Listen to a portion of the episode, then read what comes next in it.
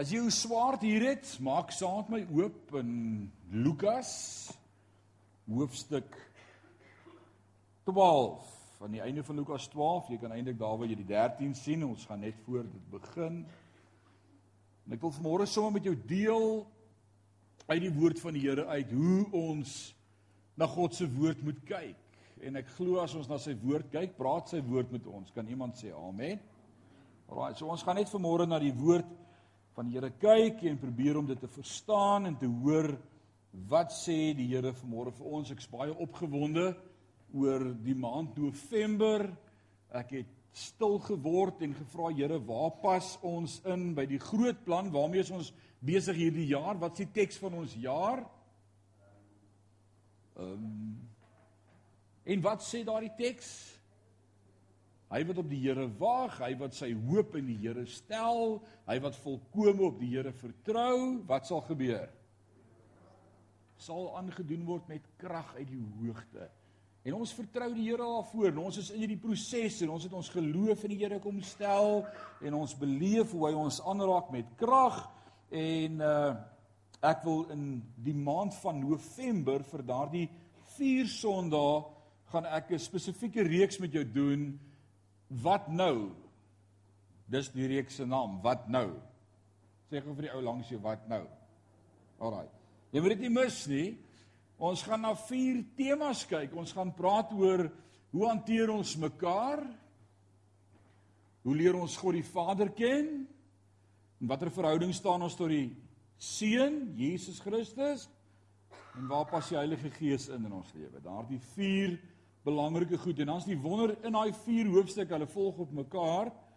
Gaan ons in al vier hoofstukke ook sien hoe hanteer ons die wêreld? Hoe moet ons met die wêreld praat? So gaan rondom verhoudings. Ons sluit hierdie jaar af met die tema van verhoudings. Dis deel van om jou krag in Christus te ervaar en te beleef en uh, ek is sommer opgewonde as jy saam my opgewonde is sê amen. Dankie vir daai 3 wat saam met my opgewonde is. Lukas hoofstuk 11 en ons gaan vanmôre begin by vers 54.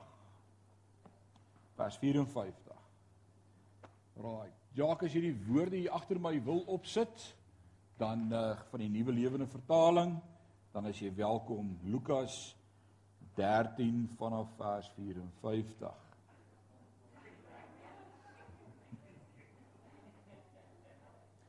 Kyk net of hy wakker is. 12 vanaf vers 54.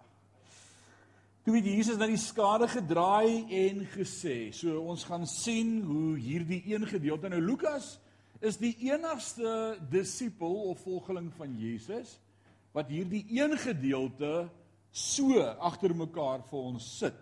As ons kyk na die ander evangelies en is belangrik om te weet, baie keer dink ons dat die evangelies is 'n copy and paste van mekaar. Nee, dis vier verskillende individue wat elkeen iets anders onthou van toe Jesus op aarde was. Ons moet onthou dat hulle nie elke dag dagboek geneem het en aan die einde van daardie dag gaan neerskryf het wat vandag gebeur het nie. Hierdie was 'n paar jaar later. Jesus is hemel toe, van die disippels is al doodgemaak, Stefanus is gekruisig of uh, met met met gestenig, met klippe doodgegooi en dan besef die disippels ons gaan seker ons ervarings en ons belewenis van toe Christus op aarde was, moet begin neerskryf, want ons word ouer. En ons gaan nie vir altyd hier wees nie. En ons het gedink ons gaan Jesus sien kom en hy talm om te kom. Ons verstaan nie hoekom het hy nog nie gekom nie. Hulle het gedink dit gaan vinnig wees. Net soos wat die kruisiging en die opstanding 3 dae uitmekaar was en daarna die hemelvaart en Jesus vir hulle gesê het net soos wat julle my sien opgaan, so gaan julle my sien terugkom, het hulle gedink dis een van die dae. Maar hoe lank is dit nou al? 2000 jaar. Nou wat nou? So hierdie disippels begin neerpen en elkeen se onthou op sy invalshoek is uniek en anders. Hulle weerspreek mekaar nie, hulle is nie verkeerd nie. Nie as jy en jou vrou kan dieselfde storie onthou van laas Kersfees nie. Wat het julle gehad vir Kersfees, oom Leon?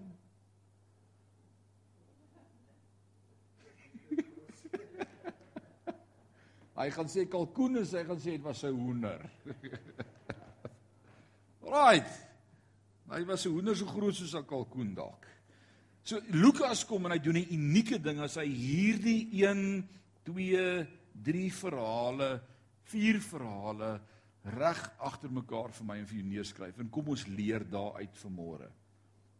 Toe het Jesus na die skare gedraai en gesê: Wanneer julle wolke sien saampak in die weste, sê julle hier kom 'n reënbuie. Julle is reg.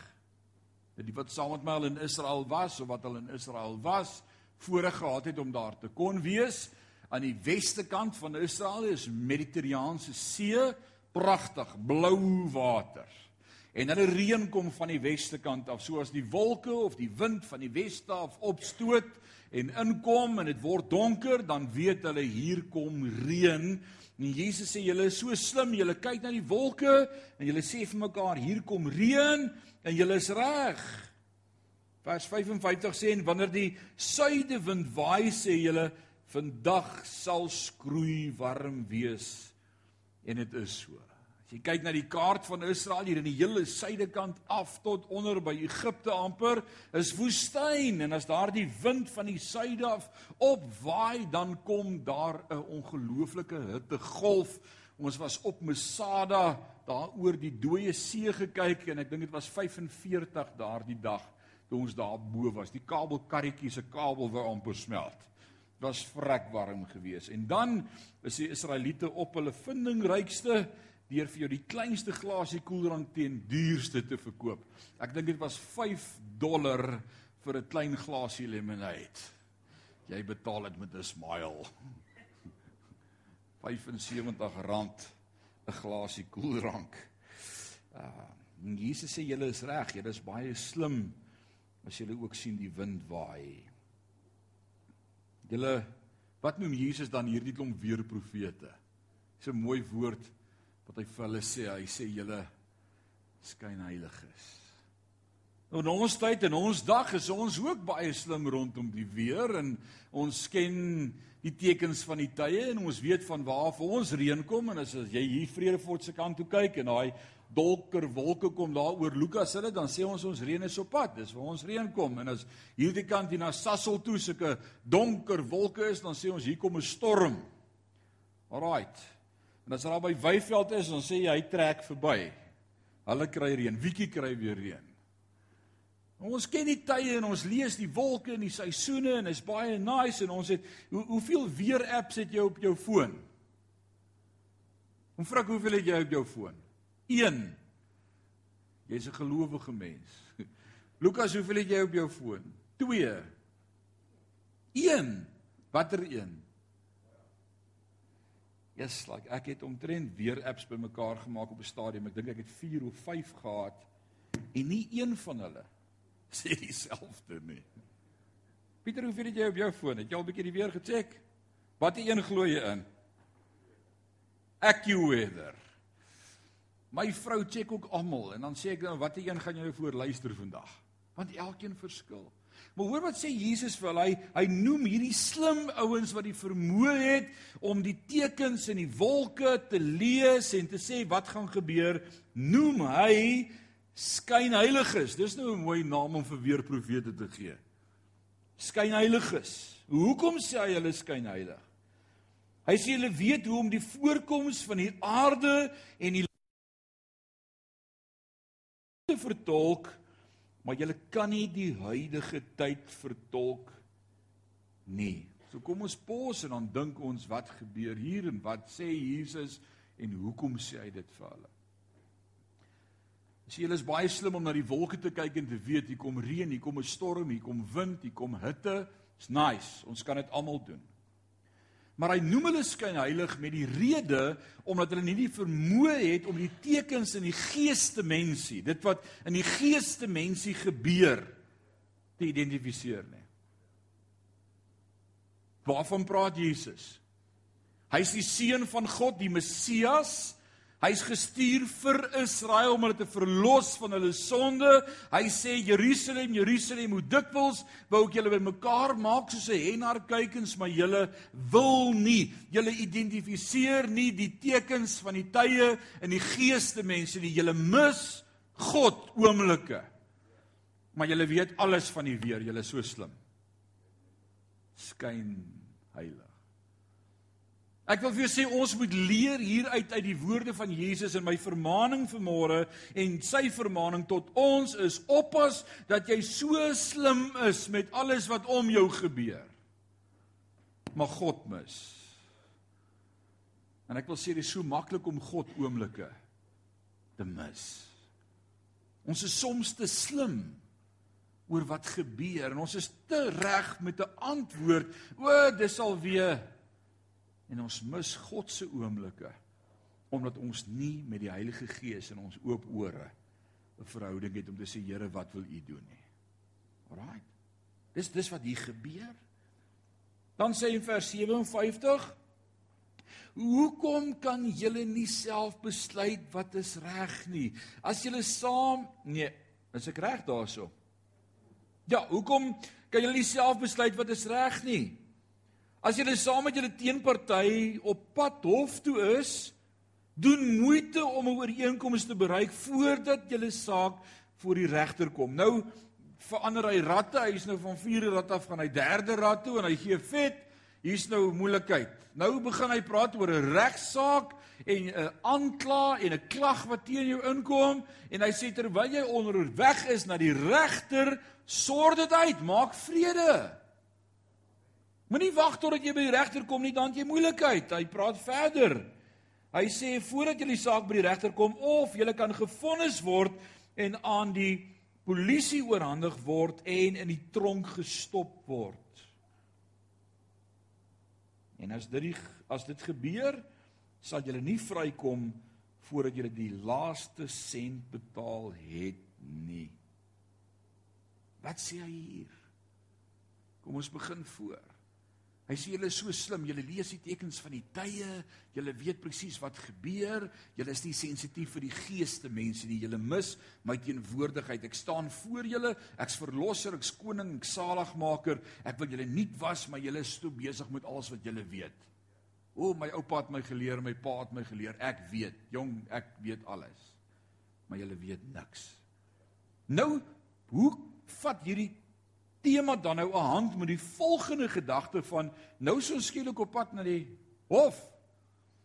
En ek is in 'n geskil met iemand wat my aankla en ek is skuldig en hy sê as jy nie gaan vrede maak voordat jy voor die regter kom net jy moeilikheid. Want as die regter jou eers vonnis en oorgie aan die polisie en die polisie jou in die selle sit sê ek vir jou jy sal sekerlik nie daar uitkom voordat jy die laaste sent van jou skuld betaal het nie. Wat beteken dit Nou wil ek net 'n vraag vra. Wie van julle was al in die tronk? Nee, niemand gaan hulle hande opsteek nie.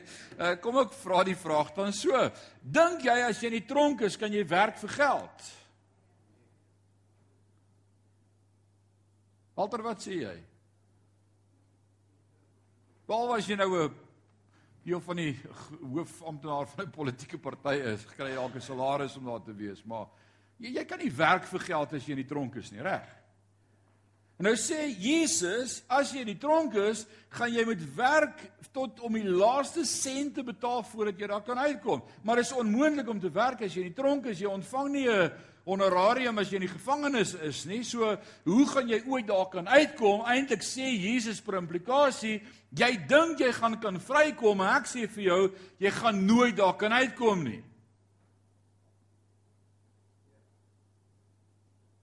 Ons dink ons gaan daar kan uitkom, maar jy gaan nie daar kan uitkom nie. Maar Jesus sê, julle ken die tekens, maar julle mis my. Onderweg na die regter maak vrede van wie praat hy? Hy praat met hierdie Jode, met ons, met my en met jou en hy sê terwyl ons onderweg is na die regter, wie is die regter? God die Vader. En wat gaan ons voor sy regterstoel doen? Of loon ontvang of oordeel. Oordeel omdat ons nie geglo het nie Johannes 16 vers 5 en 6 as die Heilige Gees kom sal hy die wêreld betuig van sonde, geregtigheid en oordeel sonde omdat julle in my nie glo nie, ongeloof. Die ongeloof in Jesus. Jesus sê ek staan voor julle, julle ken my nie, julle lees nie die tekens korrek nie. Ons is op pad na die regter en voor jy daar kom beter jy vrede maak. Wat beteken dit? Jy moet my aanneem as verlosser en saligmaker voordat jy voor die regter kom, want as jy eers by die regter kom en jy oorgegee word en gefonnis word, gaan jy nooit daar kan uitkom nie. Dis te laat. So sien jy hoe pas dit wat sê Jesus hier? Hy sê moenie jou so slim hou in die tekens nie. sien my, raak, ken my, wees in 'n verhouding met my, gee jou hart en jou lewe vir my voordat jy by die regter kom want dan is dit te laat. Nou gaan die teks aan. Hoofstuk 13 in ons Bybelvertalers het daar 'n 13 ingeskryf omdat ons almal dieselfde plek kan kry, maar daai is eintlik een gedeelte wat net aanhou. Omtrent hierdie tyd is Jesus meegedeel dat Pilatus 'n aantal mense van Galilea laat doodmaak het terwyl hulle offers gebring het by die tempel in Jerusalem. So nou hoor Jesus die nuus Hy het nou vir hulle gesê maak vrede voordat ons by God kom en nou sê 'n paar van sy disippels of volgelinge vir hom: "Joh, het jy gehoor Pilatus het daai klomp ouens wat wou offer doodgemaak?" Die ander vertaling vertel vir ons hoe hy hulle doodgemaak. Hy sê hy het hulle bloed gemeng met die bloed van die offers. Dit was 'n verskriklike ding wat gebeur het en almal gons en praat daarvan. Dis op Media 24, dis op al die nuuskanale, CNN saai daaroor uit. Die nuus van die dag is hierdie paar kerkgangers is bloediglik doodgemaak. Wat sal Jesus daarvan sê? Wat sal hy sê van ons nuus en ons media en dit wat in ons dag die gerugte doen waarna ek en jy elke dag kyk en waarna ons luister? Wat sê Jesus? Hy vra 'n vraag. Hy sê: "Dink julle daardie Galileërs was groter sondaars as die ander mense van Galilea?" het hy hulle gevra. Is dit waarom hulle geboet het? Wat dink jy, hoekom kom ander mense om? Ons is mos baie slim. Ons het 'n opinie oor die weer en oor die omgewing en oor die tekens van die tye. En nou sê hulle vir hom hierdie arme ouens is doodgemaak en nou vra Jesus want hy ken ons harte, want ons is vol ons is ons is vol kommentaar en opinies, né? Nee, is dit nie hoe ons is nie? Och, het jy gehoor van daai tragiese dood wat daardie ouens gesterf het, dan sê jy sê ja, maar hulle was mos ongelowig. Ons is slim, ons het opinies, ons het meninge. En nou vra Jesus vir hulle, "O, oh, julle dink hulle het meer sonde gehad as die res van die Galdeërs?" Maar kyk wat antwoord Jesus vir hulle. Is dit waarom hulle geboet het? En dan sê hy in vers 3: "Glad nie, en julle sal ook omkom tensy julle tot inkeer kom. Elke keer kom hy terug by maak jy jou saak met God reg. Vergeet van die res. Maak jy jou saak met God reg. Vers 4. En wat van die 18 mans wat gesterf het toe die toring van Siloam op hulle geval het? Daar was 'n toring in Siloam en hierdie toring val in duie en 18 ouens sterf. As dit in vandag se tyd was, sou dit seker iets gewees het soos die Twin Towers wat in mekaar geval het. Almal gons daaroor, dis die nuus, dis die voorsblad, dis fotos 9/11. Ons is een van die dae weet daar en en man, dis alwaaroor almal praat. Maar nou nou hoor hy waaroor hulle nou weer praat. En nou vra hy vir hulle hierdie vraag. Was hulle egter groter sondaars gewees? Was hulle die ergste sondaars in Jerusalem? Nee. En ek sê weer vir julle as julle nie tot inkeer kom nie, sal julle almal ook net so omkom. Wat doen Jesus in hierdie drie stories na mekaar? Hy bring dit elke keer terug persoonlik na jou toe en hy sê wat sê jy in jou verhouding met God? Jou jy slim oor die tekens? Identifiseer jy God? Is jou ore oop vir God? Het jy 'n verhouding met God? Hoor jy God? Jy's onderweg na die aanklaer, het jy jou saak met die Here reggemaak. Vergeet van daai ander wat dood is. Wat sê my verhouding met jou? Vergeet van die op wie die toring geval het. Wat sê ek en jy vir mekaar? Waar staan ons met mekaar? sien jy hoe trek dit nouer? En dan kom hy by die volgende storie. En ek lees daar in my Bybel die gelykenis van die onvrugbare vrye boom Nou elke keer in die Bybel waar ons die tema gelykenis kry of praat oor 'n gelykenis of dink oor 'n gelykenis en ek het toe ons die gelykenis gedoen het van die saad en die onkruid so 'n maand gelede het ek vir jou gesê gelykenis is 'n gevaarlike ding. Want 'n gelykenis is 'n ding waar ek eers dit lees as 'n storie en dan probeer ek in daai storie in verstaan waar pas wie, wie's die partye, wat is die eintlike boodskap wat hierdeur gekommunikeer word en dan staan ek by die venster en ek kyk deur die venster na die storie en nes ek dink ek verstaan die storie, dan sien ek my genade, dis eintlik ek wat in die storie is en dan verander die hele storie. En dan's die vraag wat wil u vir my sê? Want dis wat 'n gelykenis doen, is persoonlik. So kom ons kyk na hierdie gelykenis wat Jesus dan hier deel met sy volgelinge. Hy sê: "Toe het Jesus hierdie gelykenis vertel. 'n Man het 'n vrye boom in sy tuin geplant en telkens gekom om te kyk of daar al vye aan was. Maar hy was altyd teleurgestel. Uiteindelik het hy vir sy tuinier gesê: "Kyk, ek kom soek nou al 3 jaar lank vrugte aan hierdie boom en kry niks nie. Haal hom uit." Hoekom moet hy die grond nog langer uitput? En die tuinier het geantwoord: "Meneer, gee hom nog een kans. Los hom nog 'n jaar."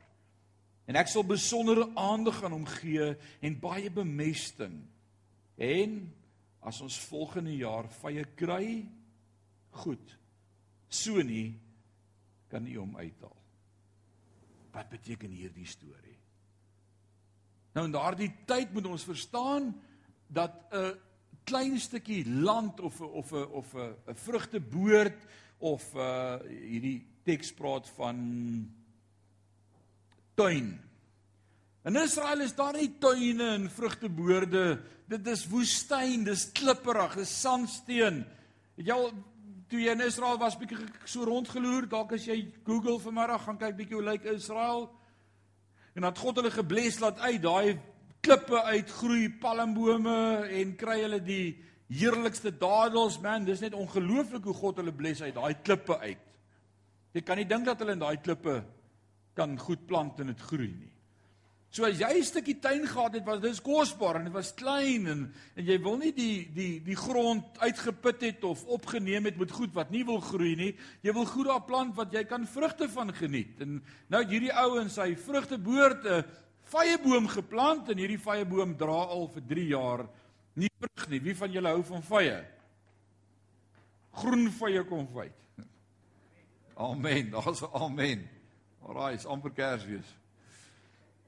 En nou sê hy maar hierdie vrugteboom dra nie vye nie. Daar's nie vrugte nie. En hierdie tuinier hou van groen vye konfyt en daar's nie vrugte aan hierdie boom nie. En nou sê hy vir die tuinier kap hom uit. En dan kom die tuinier en hy pleit vir die boom. Nou hier's drie dinge in hierdie vier goed in hierdie verhaal wat ons mee kan identifiseer. Ons het 'n eienaar right 'n man wat die ding geplant het, die eienaar van die grond, van die tuin, dan het ons die tuinier. Ons het 'n boom en daar word gesoek na vrugte.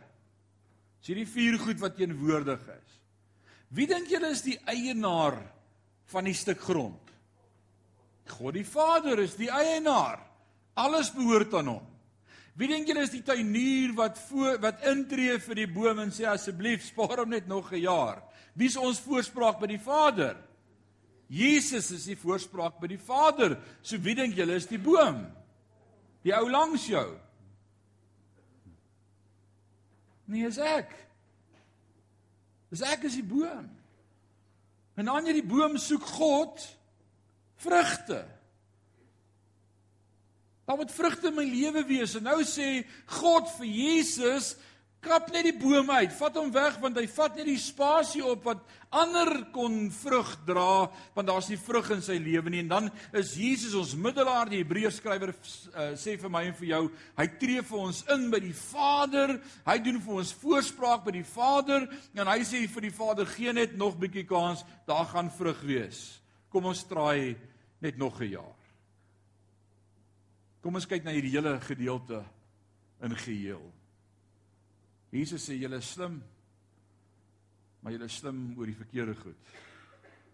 Julle kyk na die weer en die wind, maar julle mis God oomblikke in julle lewe omdat julle nie in die geeste mensie die gees reg lees nie. Terwyl ons onderweg is en almal van ons is onderweg na die regter, ons is op pad na die ewigheid. You just passing through. Ek sê dit elke keer, ek wil dit vandag weer sê, dit lyk vir my niemand kom lewendig hier weg nie. Jy het dit al besef. Niemand kom lewendig hier weg nie. Die enigste manier om hier weg te kom is deur die dood. As jy asem uitblaas. Elkeen van ons gaan sterf want die woord van die Here sê dis vir die mens bestem om eenmal te leef, eenmal te sterf en dan voor God te verskyn. Maar terwyl jy op pad is na die regter, maak met hom vrede. En as jy met hom vrede gemaak het, hou op rondkyk na ander en wonder wat van hulle. En Jesus het jy nou gesien wat doen die bure? En het jy gekyk na daai klomp op wie die tempel nou geval het? En het jy dit gesien? En het jy hier gehoor? Want dis die goed waarmee ons ons besig hou, dan sê Jesus daar's 'n belangriker ding waarmee ons ons moet besig hou. En dis of daar vrug is in ons lewe vir die Vader. En dis die vraag wat ek vanmôre wil vra, want dis die vraag wat hierdie teks vra vanmôre, is om te sê is daar vrug in my lewe? En dis ons teks hierdie jaar is om te sê hy wat sy hoop volkome op God stel, sal sy krag terugkry. Maar jy kan nie jou krag terugkry as daar nie vrug in jou lewe is nie.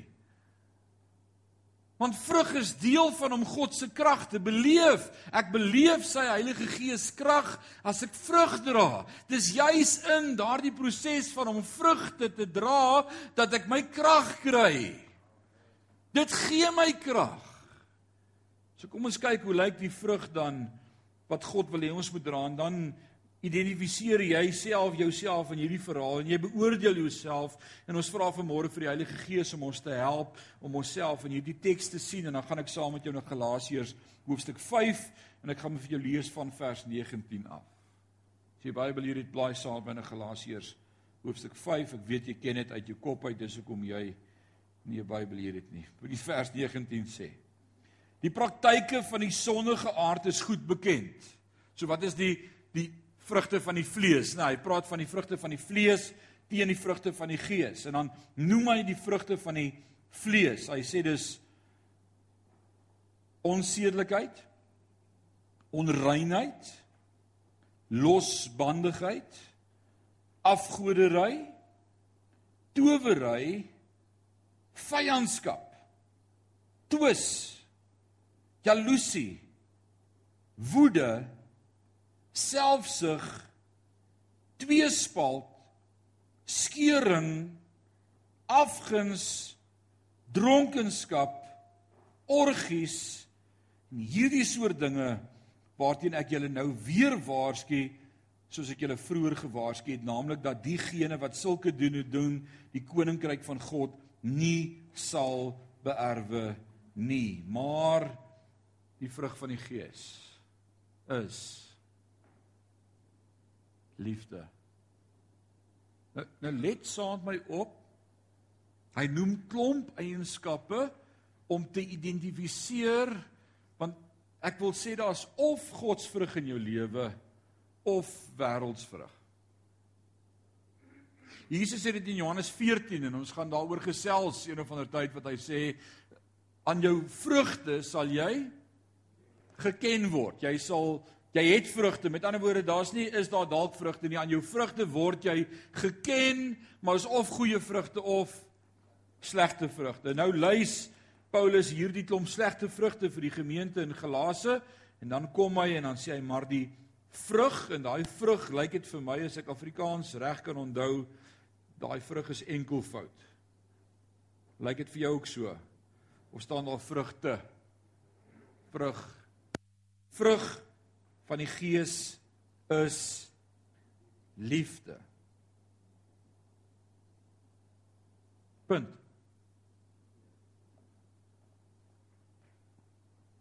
Ek wil jou vanmôre reg help met hierdie teks.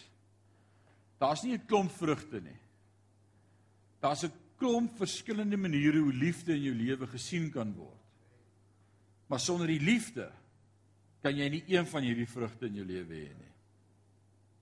En dis hoekom Paulus hierdie liefde enkelvoud, hy sê die vrug van die gees is liefde.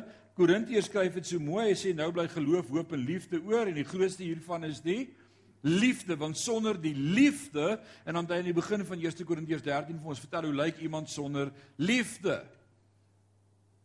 Dis die vrug van die gees, liefde. So hy sê die vrug van die gees is liefde en as jy liefde het, sal daar blydskap in jou lewe wees. Sal daar vrede wees, geduld wees, vriendelikheid, goedheid, getrouheid, sagmoedigheid, selfbeheersing. En dan sê hy teen hierdie soort dinge is die wet nie. Ek wil jou vandag vra. In die eerste plek, het jy al jou saak met Jesus Christus reggemaak as jou verlosser en jou saligmaker? Ken jy Jesus as koning van jou hart? Onderweg na die landros maak vrede met God. Dis belangrik. As jy vanmôre sê maar ek het nog nie vrede gemaak met God nie, dan's ver oggend die oggend. Gaan saam met jou bid. Tweede plek. Jy staan in die tuin. Jesus se woorde aan my en aan jou vanmôre is: Wat se vrug is daar in jou lewe? Daar is vrug. Mas of vrugte van die vlees of vrugte van die gees. En jy moet vanmôre jou hart ondersoek en ons gaan bid Heilige Gees help ons om ons harte ondersoek en vir mekaar te sê is is daar liefde in my lewe dan volg al hierdie ander pragtige goed wat hy skryf vir Galasiërs of is ek in die vlees? Soek ek nog die begeerlikheid van die vlees. En dan moet jy vanmôre die saak uitmaak. Want jy gaan nooit God se krag in jou lewe kan beleef as jy nie die boom is wat wil vrug dra vir die koning. En ek wil vanmôre sê ek wil vrug dra vir die koning. Ek, ek wil vye dra. Ek wil ek wil skade weer gee vir ouens om om my te kan sit en te kan sê hierdie ou loop oor van die goedheid van die Here. Dis dis dis my hart. Dis dit jou hart ook. So kom ons dink vir 'n oomblik daaroor. Kom ons sluit ons oë, ons buig ons hoofde en ons gee net 'n oomblik kans dat die Heilige Gees met ons praat vanmôre oor hierdie teks. Dink oor wat jy gehoor het. Vanmôre dan hierdie twee vrae. Kom ons begin met die eerste vraag. Het jy al vrede gemaak met God? Is koning van jou lewe. Ons neem aan dat almal wat elke Sondag hier is kinders van die Here is. Maar dis nie so nie. Ek wil vanmôre saam met jou bid en jou 'n kans gee om vrede te maak met die koning voordat ons voordat dit te laat is. En terwyl niemand rondkyk nie en almal se oë gesluit is, is 'n persoonlike saak tussen jou en die Here, wil ek vir jou 'n kans gee as jy vanmôre sê ek wil vrede maak met God. Daar's dinge tussen my en God wat nie uitgesorteer is nie en ek wil ek wil kom sê Here, hier is ek. Dan staan jy gou op jou voete. Hou jou oë toe staan op jou voete en sê hier is ek. Ek wil myself gee. En ek wil vanmôre bid Vader dat daar sal vrede wees tussen my en God. Daar's mense wat staan en ek dank die Here daarvoor. Dis 'n werk van die Heilige Gees. Maar jy weet, jy's nie op die plek waar jy moet wees nie. Jy is onderweg na die regter en daar's nie vrede tussen jou en God nie. Dan wil ek vanmôre saam met jou bid. En ek gaan jou ook nooi as ons klaar is met hierdie diens om hier agter na die bidkamer toe te kom, vinnig saam met my En ek wil 'n paar oomblikke saam met jou daar bid en met jou net praat dat jy sekerheid van saligheid kan kry. Maar ek wil vanmôre saam met jou bid. Here God, elkeen wat staan vanmôre. Wat sê Vader, daar's nie vrede tussen my en U nie. Ons is nog onderweg na die regter en ek weet daar's dinge in my lewe wat nie reg is nie en ek's besig met die verkeerde goed en ek's so slim. I'm so clever concerning the signs of the times and what's happening around us, Father God, but we lack the wisdom and knowledge regarding you. En ek wil bid Vader dat hulle vanmôre sal oorgee en ek wil vanmôre saam met hulle bid Here dat U hulle lewe sal vul met U volheid en met U krag en met U heerlikheid en dat daar vrede tussen hulle en U sal kom want dis hoekom U vir ons gesterf het aan die kruis. Dis dis sodat daar vrede tussen ons en God kan kom. Ek wil bid Here dat hulle vanmôre hulle harte sal oopmaak en sê Vader neem oor neem besit van my hart en van my wese. Vergewe my sondes. Ek aanvaar U as koning, verlosser en saligmaker En ek wil bid vir die werk van wedergeboorte in elkeen se hart dat hulle sal weet dat hulle kinders van U is. Ons eer U daarvoor in Jesus naam. Julle mag julle sitplekke neem. Dan wil ek 'n tweede uitnodiging maak vandag. Terwyl ons nog steeds ons oë gesluit hou en nie rondkyk nie. Tweede uitnodiging vandag is as jy sê Here help my om godsvrug in my lewe te hê. My boom is leeg. So die vraag vir môre is hoekom is jy nog hier? Wat is jou doel op aarde? Wat is God se plan vir jou? En dit is baie maklik dat jy sal vrug dra. Ek wil vanmôre vir jou bid wat sê ek sukkel om God se vrug te dra in my lewe. Ek het vanmôre Jesus nodig om my te help in my lewe om vrug te dra, die vrug van die Gees. Staan geop, ek wil saam met jou bid vanmôre. As jy sê daar's nog vleeslike tekens in my lewe, daar's verkeerde tekens, daar's verkeerde dinge wat ek doen, ek raak kwaad, ek verloor my meer, ek's in die vlees, dan wil ek saam met jou bid vanmôre dat jy jou hart gaan oopmaak en dat die Heilige Gees se werk in jou gaan doen en jy daardie liefde en daardie vrugte van die Gees gaan uitwys en gaan demonstreer in die wêreld om jou. En dis elkeen van ons wat daarna streef is dat God deur ons al die lof en al die eer sal kry. Vader, ek bid vir elkeen wat staan. Wat sê daar's nie godsvrug in my lewe nie. Daar's daar's daar's daar wat ek val en daar's daar wat ek sukkel en daar's daar wat ek in die vlees is en daar's daar wat ek in die vlees optree en ons bely ons sonde maar ek bid vir môre Here soos wat u sê vir die tuinier as tuinier ek gaan nog 'n jaar moeite doen met daardie boom wil ek bid Vader dat u elkeen wat staan sal help om godsvrug te produseer sodat U die eer sal kry, die Heilige Gees verheerlik sal word en daarna ons bome gekyk sal word en en mense Jesus in ons lewe sal kan sien en weet ons het 'n verhouding met Jesus Christus, koning van my hart en koning van my lewe. Ons eer U daarvoor, Vader. Help ons as ons stil word met U woord, praat met ons met die Heilige Gees. Elke keer as ons die woord oopmaak, elke keer as ons by woordskool kom, elke keer as ons stilte tyd hou, mag ons groei en mag ons onsself in die spieël sien van u woord en Here verander ons harte. Ons eer u daarvoor in Jesus naam en sê ons sê amen en amen.